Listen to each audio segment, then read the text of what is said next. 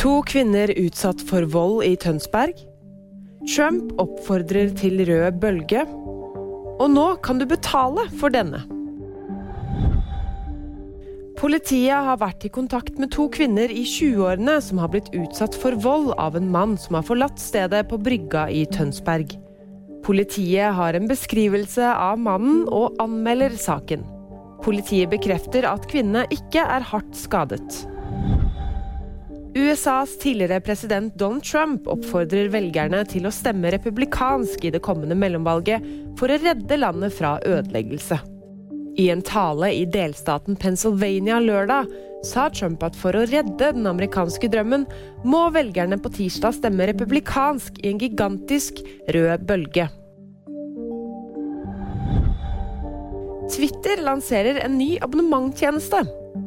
Brukere som vil ha det blå merket som viser at kontoen er verifisert, må nå betale 8 dollar i måneden.